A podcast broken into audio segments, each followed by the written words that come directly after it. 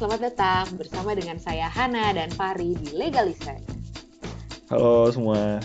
Hai Fari. Ya. Hai, Jadi uh, episode kita yang berikutnya ini akan membahas tentang plastik. Nah, kenapa kita bahas tentang plastik? Karena ini sesuai juga nih, ini kan sekarang bulan Juli. Jadi di Yep. dunia global ini lagi ada gerakan namanya Plastic Free July. Mm-mm. Terus dia pakai hashtag gitu Plastic Free July. Nah, sebenarnya ini gerakan ini tuh dimulai secara global pada tahun 2011. Tujuannya eh, setiap tahun itu jutaan orang akan berusaha untuk eh, tidak menggunakan plastik yang sekali pakai gitu. Tujuannya untuk ya raise awareness lah bahwa memang apa namanya ada yang terjadi nih sama eh, alam kita dan penggunaan plastik kita eksesif sehingga kita harus kurangin. Iya. Bahkan kayak fakta aja studi itu membuktikan atau me- apa namanya memprediksikan gitu bahwa pada tahun 2050 nanti laut kita akan terdiri dari plastik lebih banyak dibanding ikan. Agak-agak ya ini laut atau tempat sampah nih, bingung aku. Iya oke. Terus saya lucu tapi kalau kejadian serem gitu kan. Iya, iya, iya, makanya benar-benar benar.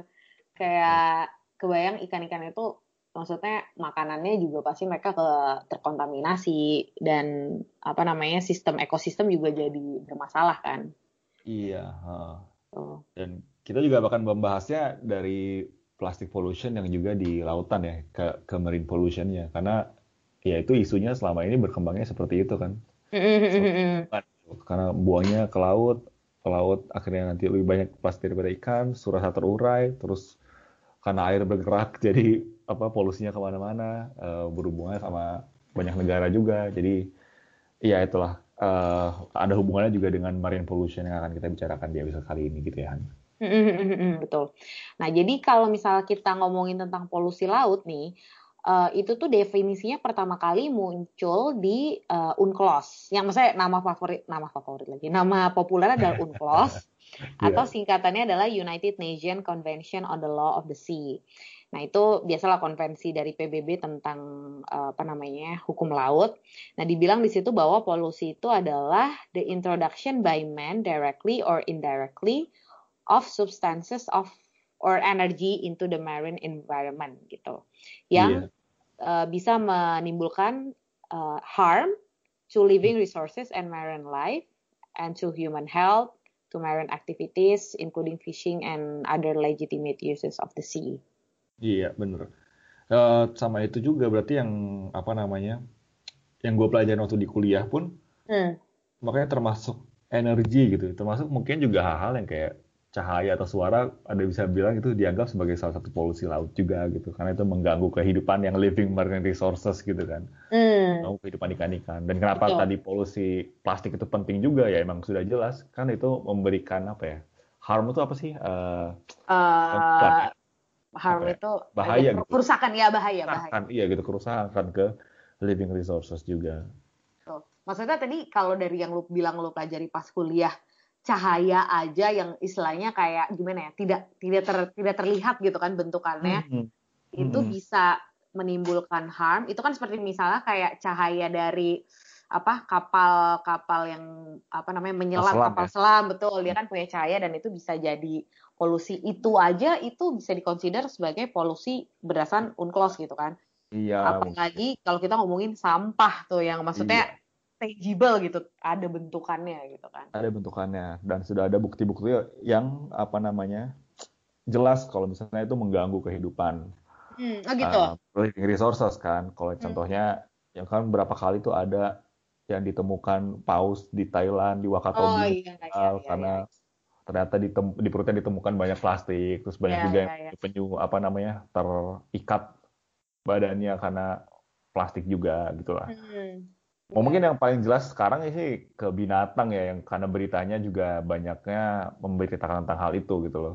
Mhm. Kan pasti menurut gua sih bakal ada riset-riset lebih jauh juga yang mengatakan tentang ya ini tentang apa bisa berakibat buruk juga untuk kehidupan manusia ke depannya gitu loh.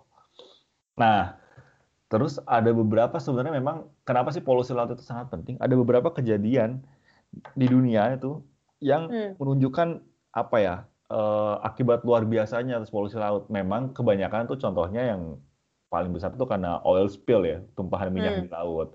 Contohnya nih ada yang gua tahu tuh namanya Torrey Canyon Incident. Itu hmm. adanya di selatan Inggris waktu itu. Itu tahun sekitar tahun 1967. Hmm, nah, okay. ini adalah ada oil spills tumpahan minyak dari namanya SS Torrey Canyon si kapal ini. Oke. Okay. Intinya dia tumpah minyaknya, terus itu di, dianggap sebagai the world most serious oil, oil spills.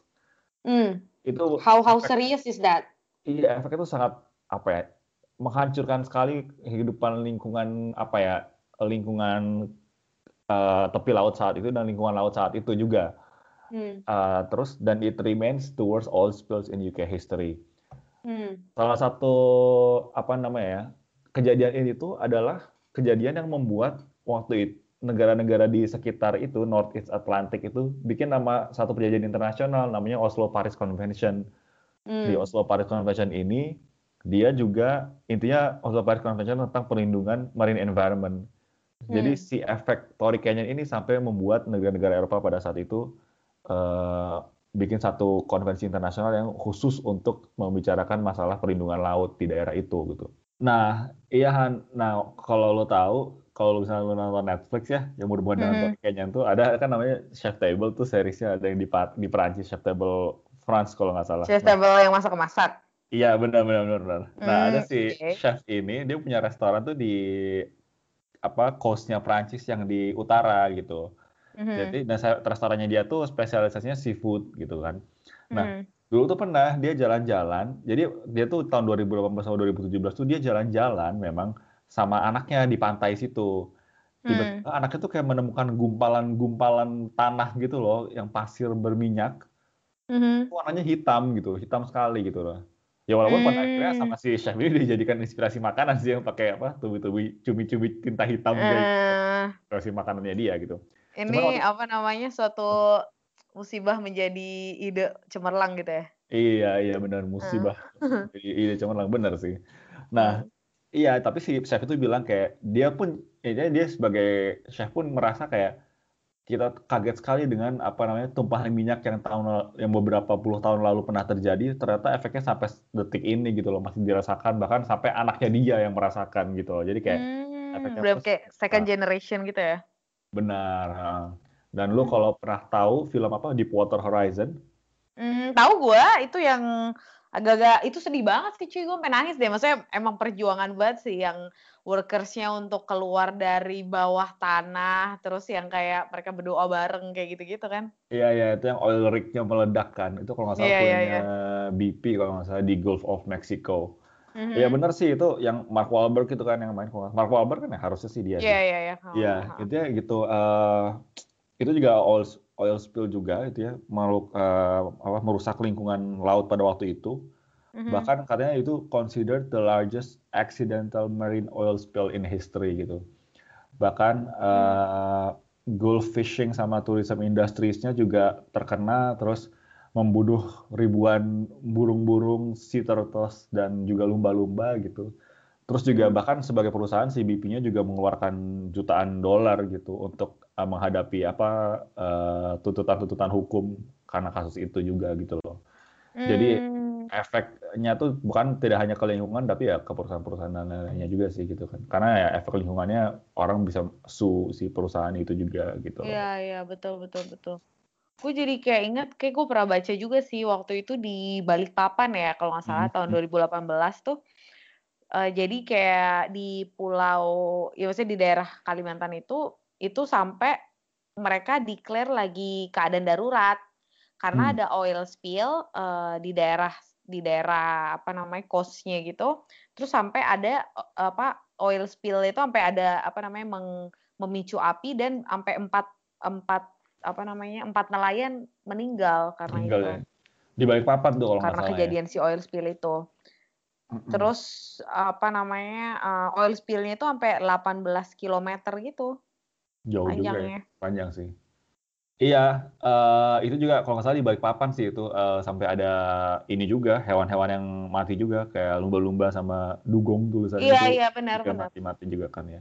Mm. Ya saya jelas lah efek polusi laut itu berbahaya dan berdampaknya sampai bertahun-tahun dan juga ke mana-mana gitu kan bisa uh, kehidupan apa sih namanya ekosistem laut pun juga terganggu gitu kan. Iya iya iya. Ya. Ya, ya, ya, ya. Nah terus gue kan sebenarnya kayak ngeliat-liat juga nih sebenarnya ap, gimana sih uh, apa namanya um, presentase dari sumber polusi di laut gitu kan. Mm -hmm. Nah jadi ada lima kategori nih penyebab sampah eh, atau polusi laut itu. Yang pertama itu berasal dari vessels atau dari kapal. Nah, itu 12%. Yang kedua dari dumping, uh, itu 10% kan.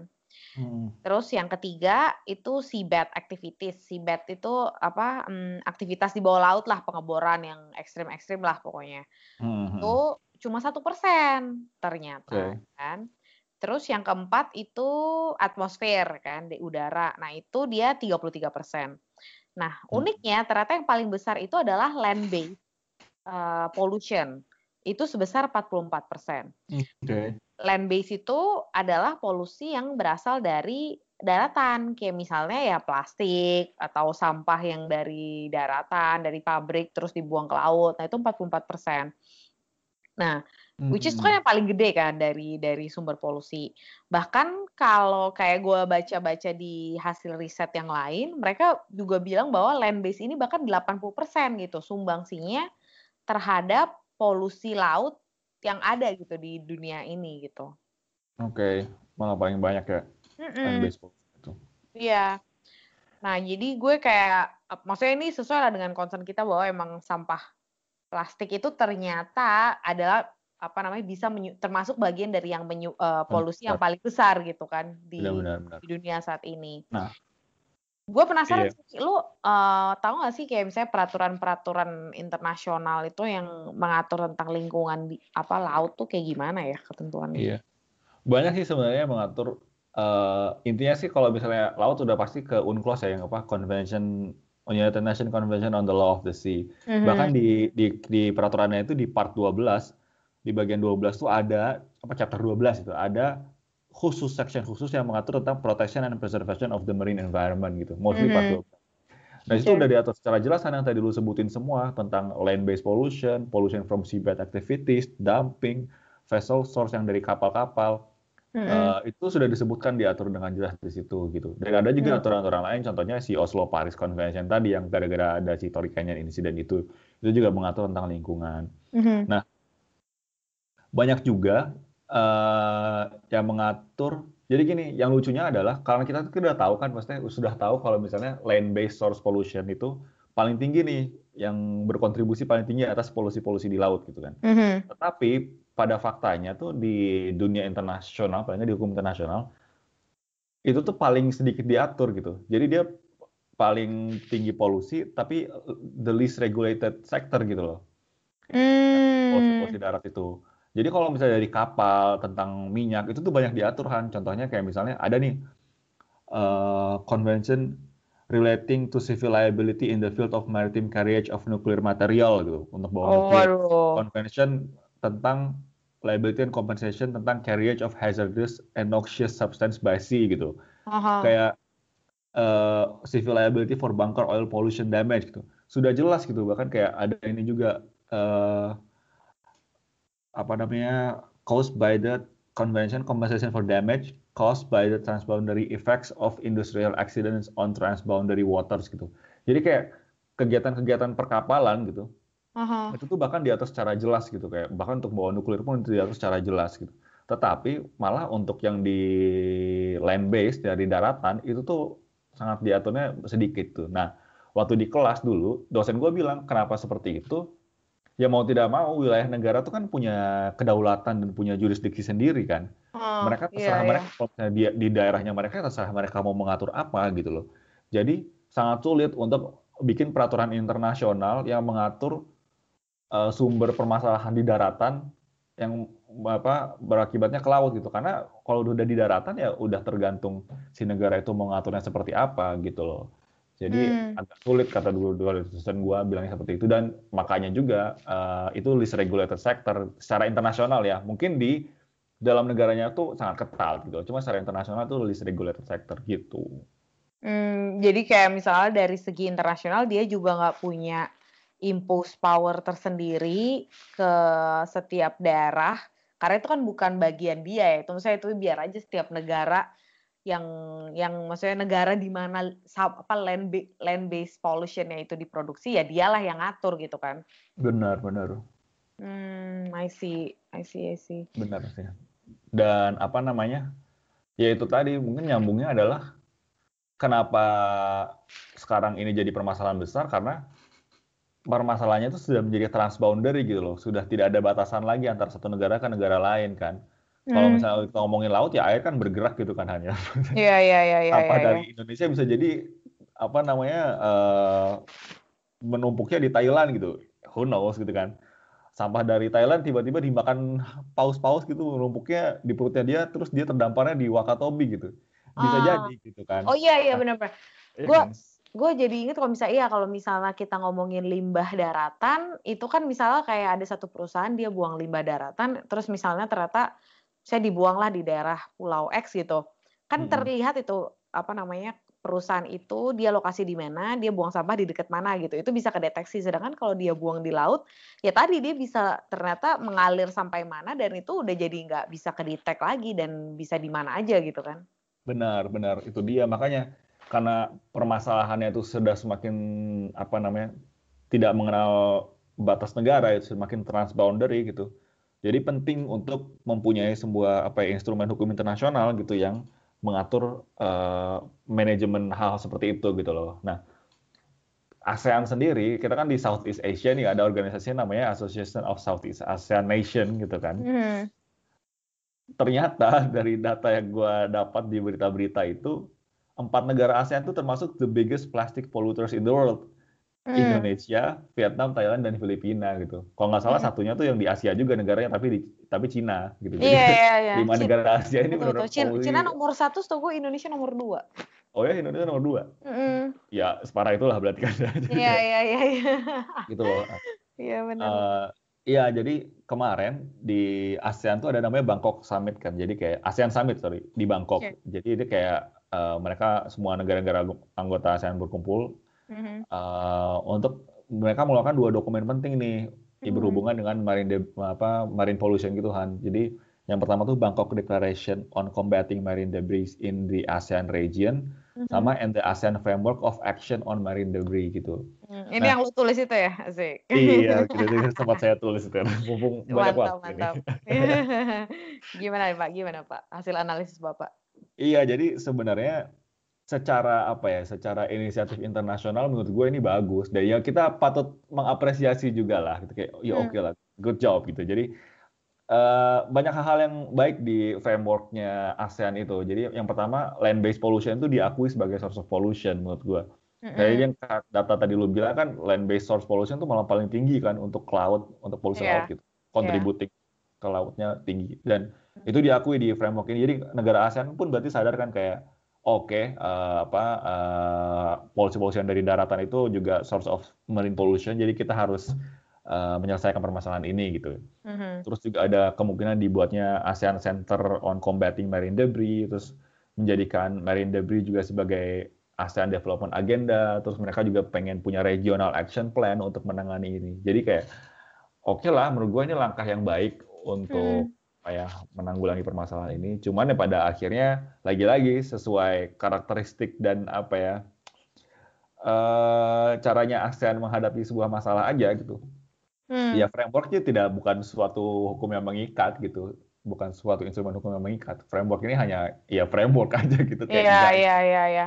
Iya iya soalnya kan kayak kalau misalnya ada peraturan internasional kan kita harus bikin ratifikasi khusus gitu kan. Dan menurut saya ini benar sih kayak apa namanya kalau kita lihat dari kacamata yang lebih besar lagi gitu kan lebih zoom out gitu. Kalau ASEAN itu kan emang ya oke okay, kita bikin apa namanya biasanya mereka bikin satu keputusan bersama tapi tetap apa namanya implementasinya ya lo harus balik dong ke negara masing-masing ya terserah gue mau ngikutin boleh kalau enggak ya terserah gue gitu kan nah hmm. terus misalnya ini beda sama kayak yang gue tau misalnya kayak Eropa dia kan punya eh, EU gitu kan European Union yeah. punya yang namanya directive kan yaitu kayak peraturan yang dikeluarin EU EU directive gitu namanya kayak emang European Union tapi bisa ke diimplementasikan dan di apa namanya diimpos ke setiap negara EU gitu. Jadi kayak peraturan EU tuh maksudnya EU sebagai Benar. organisasi itu punya kekuatan mengikat gitu bagi setiap negara anggotanya. Bener, itu sih jadi uh, itu kayak jadi karakteristiknya organisasi ASEAN aja gitu, tidak beda seperti EU. Kalau gue tuh pernah tahu, jadi salah satu contoh lain yang tentang cara ASEAN menghadapi isu lingkungan itu adalah waktu ini agreement on the transboundary haze pollution. Mm. Transboundary itu ini polusi asap karena kebakaran hutan yang ternyata kebanyakan dari Indonesia kan. Iya, Sumatera gitu nggak sih? Iya, itu kan yang tahun-tahun terakhir pun juga Singapura sama Malaysia mengeluh juga kan, karena mereka dekat dan kayak tadi itu isunya sama transboundary sudah tidak mengenal batas orang asapnya pergi ke sana gitu kan ketiup angin jadi ke Singapura sama Malaysia. Iya iya. Uh, ternyata dulu tahun 97 98 pun pernah terjadi hal seperti itu dan itu katanya paling parah.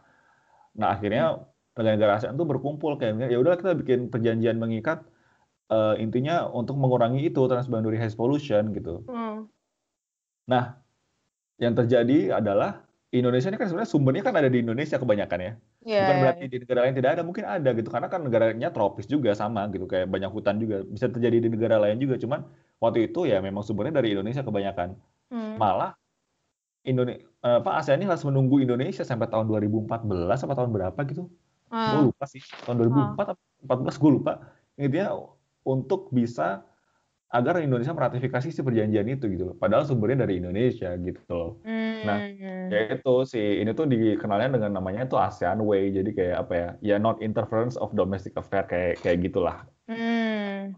Ya, jadi kayak gue juga pernah baca sih kayak ada artikel katanya kenapa negara-negara ASEAN seperti itu karena hampir semua negara kalau ingat di ASEAN tuh kecuali Thailand dulu bekas jajahan negara-negara bekas kolonialisasi gitu. Jadi mereka tuh masih agak apa ya mindsetnya masih agak tidak terima intervensi dari luar gitu. Bahkan termasuk dari teman-temannya sendiri juga yang dari ASEAN ASEAN juga gitu. Kayak urusan-urusan yang dari luar untuk mengikut apa mengatur urusan domestik itu mereka agak kayak yang uh, enggak deh gitu loh. Oh iya iya iya ya ya maksudnya ya make sense sih. Maksudnya benar dilihat dari kayak sejarahnya kayak uh, udah nggak mau lagi aja ditindas. Maksudnya kayak ya udah gue punya stand sendiri yang harus dihargain orang lain kayak gitu gak sih? Sepertinya sih gitu, iya. Hmm, yeah. Dan ya itu karena ya itu tadi karena akhirnya si framework ASEAN ini menurut gue juga belum mengikat secara hukum ya ujung-ujungnya memang berpeng, uh, sangat tergantung sekali pada peraturan-peraturan domestik di masing-masing negara ASEAN gitu sih. Hmm. Nah, hmm. ngomong-ngomong tentang apa namanya uh, yang di daerah domestik, ini gue apa namanya ngelihat Indonesia sendiri ya.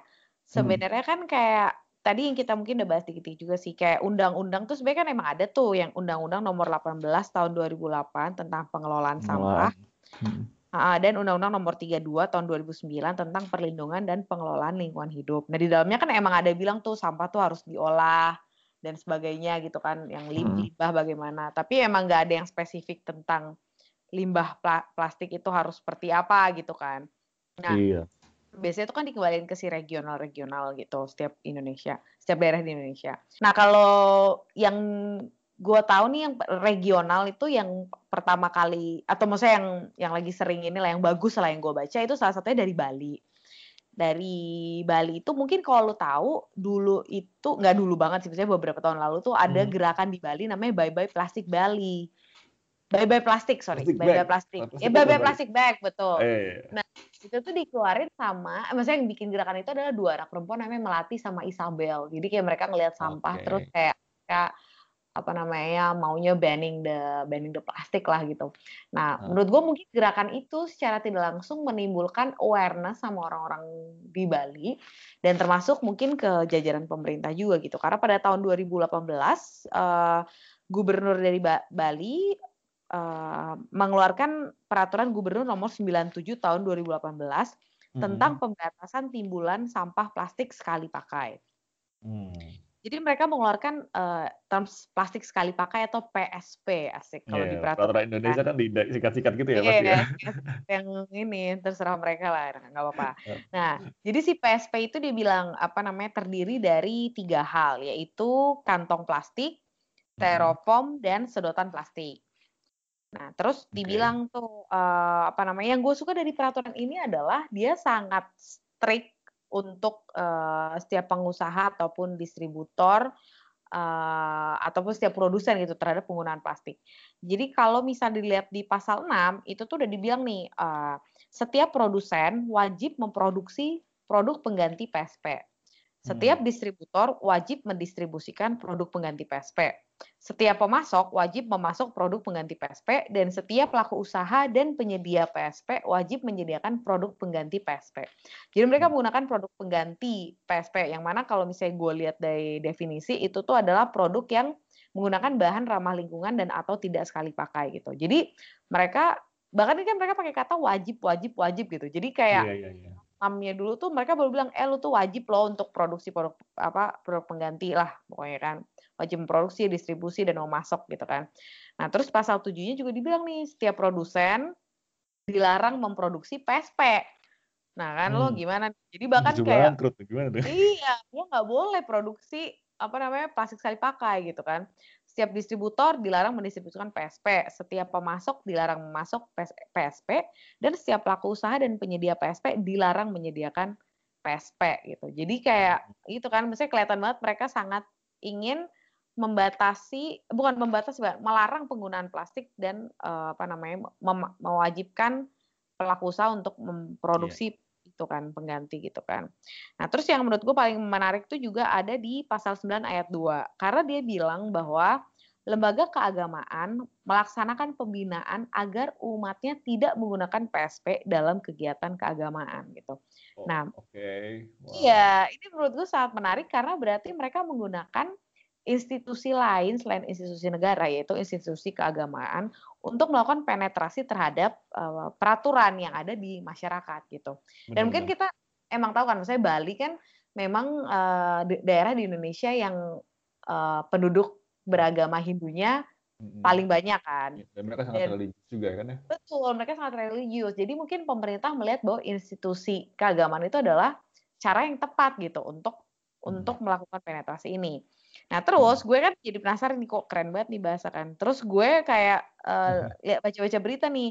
Nah gue baca memang beliau apa gubernur uh, Balinya itu Pak Wayan Koster pas ditanya tentang peraturan ini dia bilang bahwa peraturan ini bertujuan untuk menjaga kesucian, keharmonisan, keselarasan, dan keseimbangan lingkungan hidup, serta membangun partisipasi masyarakat untuk berperan serta dalam perlindungan lingkungan hidup. Pas gue baca bahasa kesucian dan keharmonisan, ini menurut gue kayak, wah gila sih. Misalnya ini peraturan tuh kayak bener-bener dibuat menyatu dengan uh, apa namanya natur masyarakat gitu. Iya, iya benar sih, benar sih.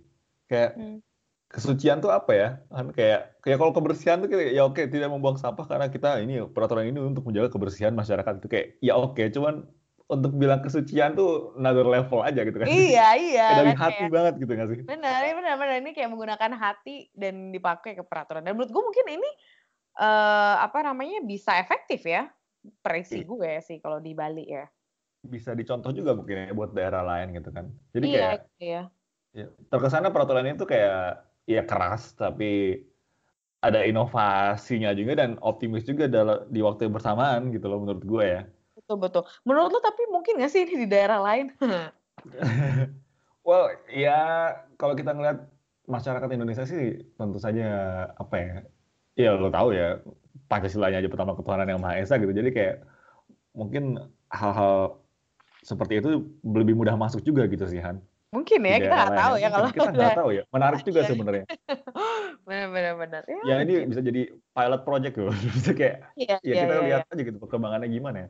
Pasti bisa sih penetrasi seperti itu dan itu mungkin penetrasi paling mudah juga dan efektif gitu ya. Betul, selalu sih agama kan. Iya. Tapi dan lucunya juga sih apa eh, gubernurnya juga membawa apa ya namanya? Kayak membawa atmosfer seperti itu juga dari interviewnya gitu kan. Jadi kayak mm, iya, iya, dia iya. bilang kesucian. Jadi kayak emang dia membawa itu gitu loh. Iya. Atmosfer seperti itu ke iya. dalam apa gerakannya. Jadi ya iya. bagus sih menurut gua. Cuma yang gue suka juga kalau misalnya lo baca di pasal 19, nah itu dia juga bilang bahwa untuk pemberi apa pemerintah daerah akan memberikan pengha piagam penghargaan, bantuan hmm. dana pengelolaan sampah dan atau bantuan modal usaha bagi orang yang melakukan pembatasan timbunan sampah plastik apa namanya uh, usaha ini gitu. Jadi kayak maksudnya selain dari tadi yang dari segi agama mereka apa namanya uh, pendekatannya, mereka juga melakukan pendekatan dari segi insentif dan insentifnya termasuk bahkan dana pengelolaan sampah dan bantuan modal usaha. Jadi bagus banget sih menurut gue ini.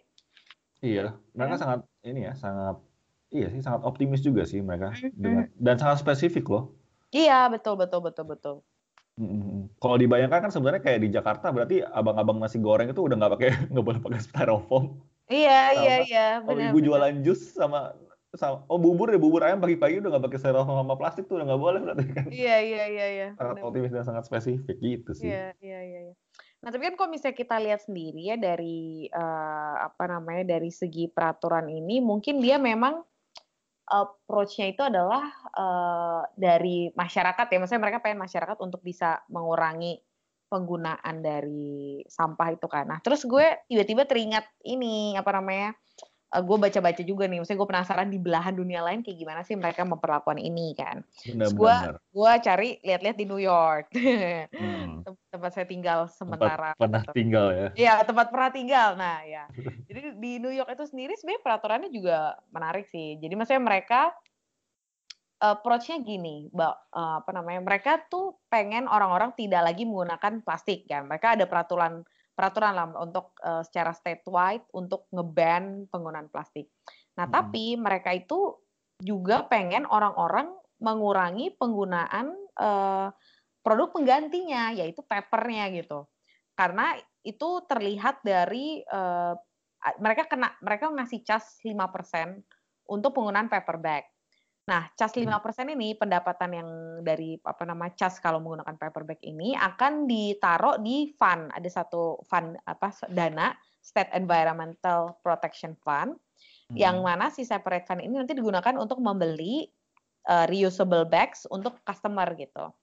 Jadi kayak mereka approach-nya para politisinya adalah uh, kita lebih baik yang nggak pakai dua-duanya, nggak paper enggak, yang yang apa reusable plastik juga enggak. Maksudnya kayak ya udah kita kita stop aja penggunaannya gitu. Itu satu. Nah terus menurut gue yang menarik juga uh, mereka misalnya nih kita pakai nih yang apa namanya produk yang degradable gitu kan. Misalnya di sana, yeah. misal gue kalau di New York tuh emang kayak misalnya gue belanja plastik, eh sorry gue belanja ke supermarket semua udah pakai plastik yang yang apa yang yang kalau di sini yang harganya mahal lah, misalnya plastik-plastik yang bahannya dari kasava kasava gitu-gitu. Nah terus okay. uh, bahkan peraturannya bilang kayak harus dipastiin si produk itu bisa degradable dalam waktu satu tahun gitu dalam peraturannya gitu. Jadi kayak mereka juga pengen yang bisa dalam waktu singkat juga gitu produk ini uh, terurainya gitu. Hmm, hmm, hmm, Menarik sih. Jadi mereka kayak kalau misalnya kita bisa sekalian semua pukul rata, kenapa enggak gitu ya? Iya Coba gitu. aja dulu gitu kan. Nah, maksudnya emang mereka ya udah sekalian aja lu emang pakai tas ke mana-mana gitu loh. Oke oke oke menarik sih emang kalau kita lihat dari apa ya perkembangan regulasi yang mengatur hal-hal seperti ini gitu mengurangi sampah dan lain-lain. Mm-hmm. Jadi kalau menurut lu kalau dari segi uh, domestik ataupun internasional tuh apa ya gimana? Maksudnya pernah lu ada pandangan lanjutan gak sih atau gimana untuk ke depannya menurut lo prediksi lo gitu kan? Nah ya, jadi sehubungan dengan itu ada teman kita namanya Icang, dia juga punya podcast uh, namanya Borderless di Spotify juga. Intinya podcast itu membahas uh, hal-hal yang berkaitan dengan lingkungan. Nah episode terakhirnya tuh membahas mengenai pemakaian produk ramah lingkungan. Sehubungan dengan itu ada argumennya uh, di podcast itu yang mengatakan seperti ini. Iya, jadi ada uh, salah satu argumen yang mereka bicarakan di situ adalah Iya, inisiatif-inisiatif secara individu dan gerakan-gerakan apa namanya mengurangi plastik dan menggunakan produk ramah lingkungan itu hal yang baik gitu loh.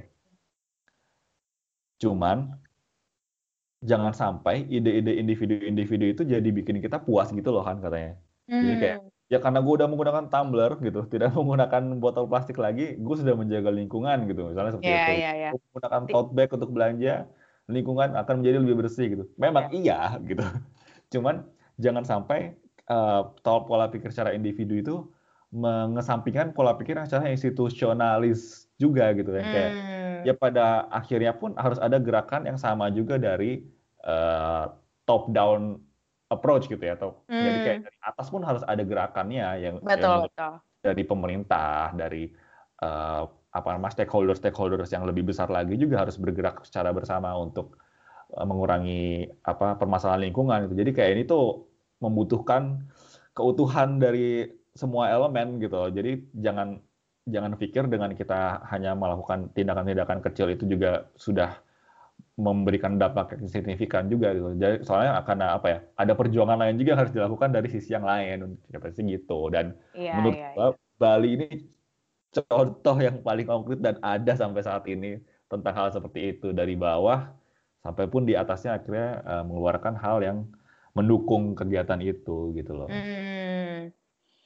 Jadi masyarakat secara individual uh, apa namanya terdorong gitu kan untuk cinta bukan cinta ya untuk uh, mengurangi penggunaan plastik dan dari pemerintahnya juga memberikan kekuatan apa namanya memberikan impulse power di dari segi peraturan gitu ya benar benar sih benar sih benar sih ya benar sih jangan saya yang paling penting kan sebenarnya ya ya again ya misalnya lagi lagi perusahaan-perusahaan besar lah yang harus kita atur karena mereka yang memproduksi. Kita kan kalau dari segi kita mungkin cuma kayak penggunaan yang sporadis gitu ya. Jadi kurang besar efeknya kalau nggak didukung juga gitu peraturan.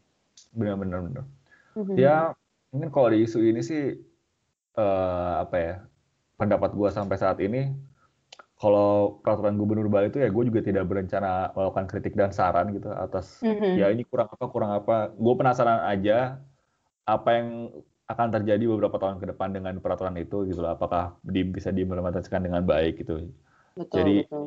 Uh, ya itu salah satu step bagus saja bertahap-tahap yang sangat bagus gitu. Dan lagi-lagi kalau bicara dengan hukum internasional terutama yang di laut tentang ASEAN mm -hmm. itu juga menurut gua sih ya ujung-ujungnya mau tidak mau kita harus bikin suatu peraturan yang mengikat gitu secara regional. Hmm, betul, betul. Uh, protection betul. of the marine environment gitu loh. Jadi ya ya kita kan berbicara hukum ya pasti kita berbicara regulasi yang diciptakan para para regulator gitu ya. Jadi untuk mm-hmm. mengatur orang ya gue sih berharapnya apa ya ya kita nggak tahu aja apa yang terjadi akan terjadi ke depannya cuman gue berharapnya hal-hal baik itu bisa dilanjutkan aja dan emang efeknya ternyata sesuai dengan harapan yang ditulis di peraturannya hmm. gitu sih iya iya iya iya uh, apa ya sama sih maksud gue kayak ini semua tuh again ya misalnya kita sebagai negara hukum ya itu harus lagi kembali dalam bentuk peraturan sih ya kita lihat aja lah nih ASEAN negara-negara ASEAN ini akan hmm. ke mana langkah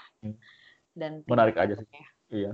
Ini hal baru aja sih menurut gue kayak 2050 bakal lebih banyak plastik daripada ikan gitu waduh iya, kayak gue iya, masih iya, hidup sih sebenarnya tahun itu kayak gue juga kayak apakah jadi gitu jangan sampai apakah gitu. apakah saya bisa diving lagi dan saya malah menemukan plastik bukannya iya. gitu ya iya gitu kan Yeah, Sama yeah. mungkin ini sih yang gue perhatikan itu mungkin secara internasional juga ya dengan dengan climate change dan lain-lain perubahan iklim. Hmm. Kayak apa ya? Uh, emang gue nggak tahu mungkin pada dasarnya manusia itu reaktif aja gitu sih Han. Jadi kayak hmm. susah untuk mengatur sesuatu yang sebenarnya kita tidak tahu efeknya bagaimana gitu loh. Hmm. Jadi kayak agak sulit uh, untuk apa namanya uh, untuk bisa untuk, mengatur sesuatu yang masih jauh di depan gitu. Benar benar benar benar. Mungkin itu ya. Mungkin nanti kalau kita suatu hari podcastnya tentang perubahan iklim itu climate change gitu, kita juga bisa cerita tentang itu juga karena kayak perkembangan peraturan-peraturannya itu pun agak sulit karena itu juga gitu. Salah satunya karena kayak yang bahkan ada pertanyaan lagi kan is climate change real? gitu kan kayak oke oke gitu kayak. Kan ada kayak ya ya ya nggak tahu juga sih gitu. Cuma kayak iya iya iya ya. ya itulah. Iya. Jadi ada emang emang natur manusia aja kali ya. Iya, natur manusia untuk selalu mempertanyakan sesuatu dan tidak percaya hingga benar-benar terlihat. Ya udahlah gitulah. Iya. Oke. Okay. Ya mungkin untuk teman-teman untuk kalau tertarik mendengarkan isu-isu tentang lingkungan juga berhubungan dengan ini gitu ada podcast teman kami Borderless yes. bisa cek di Spotify episode terakhirnya juga menarik tentang penggunaan produk lingkungan sama label-label eco label kayak Hana temukan di New York degradable yeah. terurai itu bisa dijelaskan semua di podcast Nanti itu kita kita ini deh kita post juga namanya biar biar jelas betul ya oke oke itu aja kali Hana untuk episode kali ini ya Terima kasih sudah mendengarkan dan sampai jumpa di episode berikutnya. Bye. Bye.